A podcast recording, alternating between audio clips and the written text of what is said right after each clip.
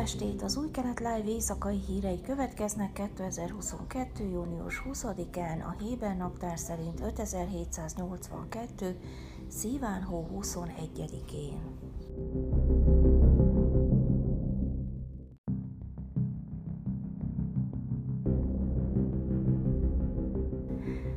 Lapid külügyminiszter a tervek szerint csütörtökön rövid látogatást tesz Törökországban azon komoly aggodalmak közepette, miszerint Irán arra készül, hogy izraeli turistákat rabol el vagy gyilkol meg az országban.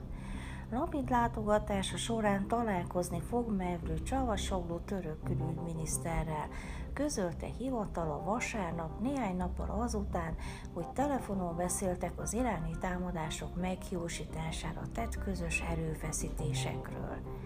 Izrael az elmúlt hetekben komoly figyelmeztetéseket adott ki az izraeliekre vonatkozóan, hogy kerüljék Törökország látogatását. A médiának nyilatkozó biztonsági tisztviselők szerint a török hatóságok segítségével iráni támadási kísérleteket hiúsítottak meg. Lapid és Csavasogló legutóbb május végén találkoztak, amikor a török külügyminiszter úttörő látogatást tett a zsidó államban. Látogatása volt 15 év óta az első egy magasrangú török tisztviselő részéről. Yitzhak Herzog elnök vasárnap telefonon beszélt török kollégájával, Recep Tayyip Erdogan elnökkel, hogy megvitassák a Törökországban tartózkodó izraelieket célzó iráni kísérletek meghiúsítására tett erőfeszítéseket. Az imént beszéltem Recep Tayyip Erdogan török elnökkel annak fényében, hogy izraeliek elleni terrortámadásokat szándékoznak elkövetni Isztambulban, közölte Herzog Twitteren. Megköszöntem neki a török földön folytatott terrorista tevékenységek meghiúsítására tett erőfeszítéseiket. Hangsúlyoztam, hogy a fenyegetés még nem múlt el. Együttműködésünk nagyban hozzájárul az országaink kormányai és népei közötti bizalom kiépítéséhez. Megállapodtunk, hogy nyitott és folyamatos párbeszéd révén folytatjuk a régiónk békéért és stabilitásáért való munkát.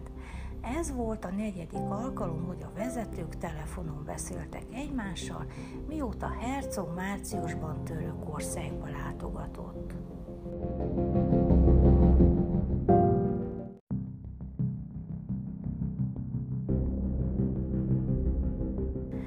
Vasárnap este sátrakat állítottak Tel Avivban tüntetésül az emelkedő lakásárak ellen, csatlakozva Jeruzsálemhez, Hajfához, Bersevához, Párdeshanához, Holonhoz és Rosha Áinhoz.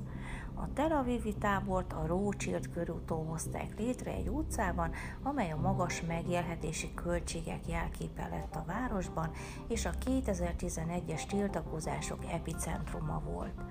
A tábor szervezői a Hánec híroldalnak azt mondták, hogy a 2011-es mozgalommal ellentétben konkrét követelésekkel készülnek, és egy pénzügyi szakértőkből álló csapat dolgozik a kormány elé terjesztendő terven. Azt is közölték, hogy július másodikán nagy demonstrációt tartanak Tel Avivban a Habima téren. A Rothschild Boulevard egy 2011-es országos tüntetés központja volt, amely a becslések szerint 400 ezer embert vonzott az utcákra.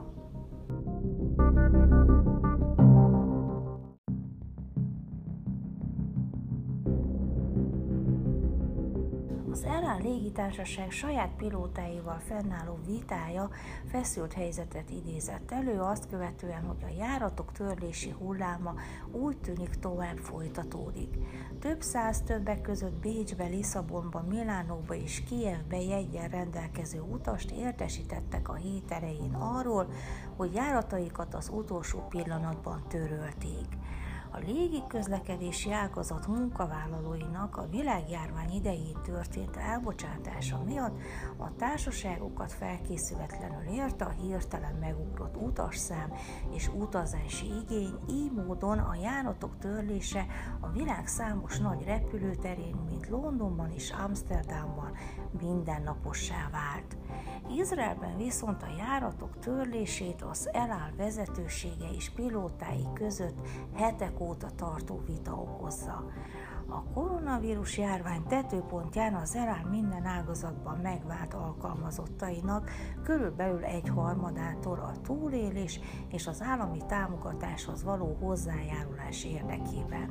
A pilóta szektor kevesebb, mint harmada, azaz 100 fő távozott, a pótlást később a cég vezetése bércsökkentéssel akarta megoldani. A pilóták viszont arra törekednek, az iparág gyors fellendülése tükrében újra nyissák a megállapodást és töröljék a fizetéscsökkentést. Kérésük abból az optimizmusból is fakad, mivel az eláll bemutatta első negyedéves pénzügyi adatait, Ugyanakkor a feszültséget a cég és a pilóták között az okozza, hogy az eláll által a múlt héten benyújtott bírósági beadványban a légitársaság a túlélésért küzdőként tünteti fel magát, miközben könyvvizsgálói adatokra alapozva rávilágított arra, 1 milliárd dollár adóságot halmozott fel.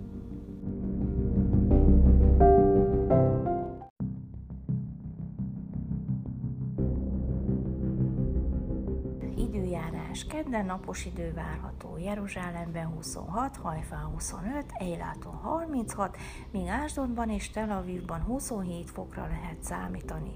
Ezek voltak az új kelet live hírei hétfőn.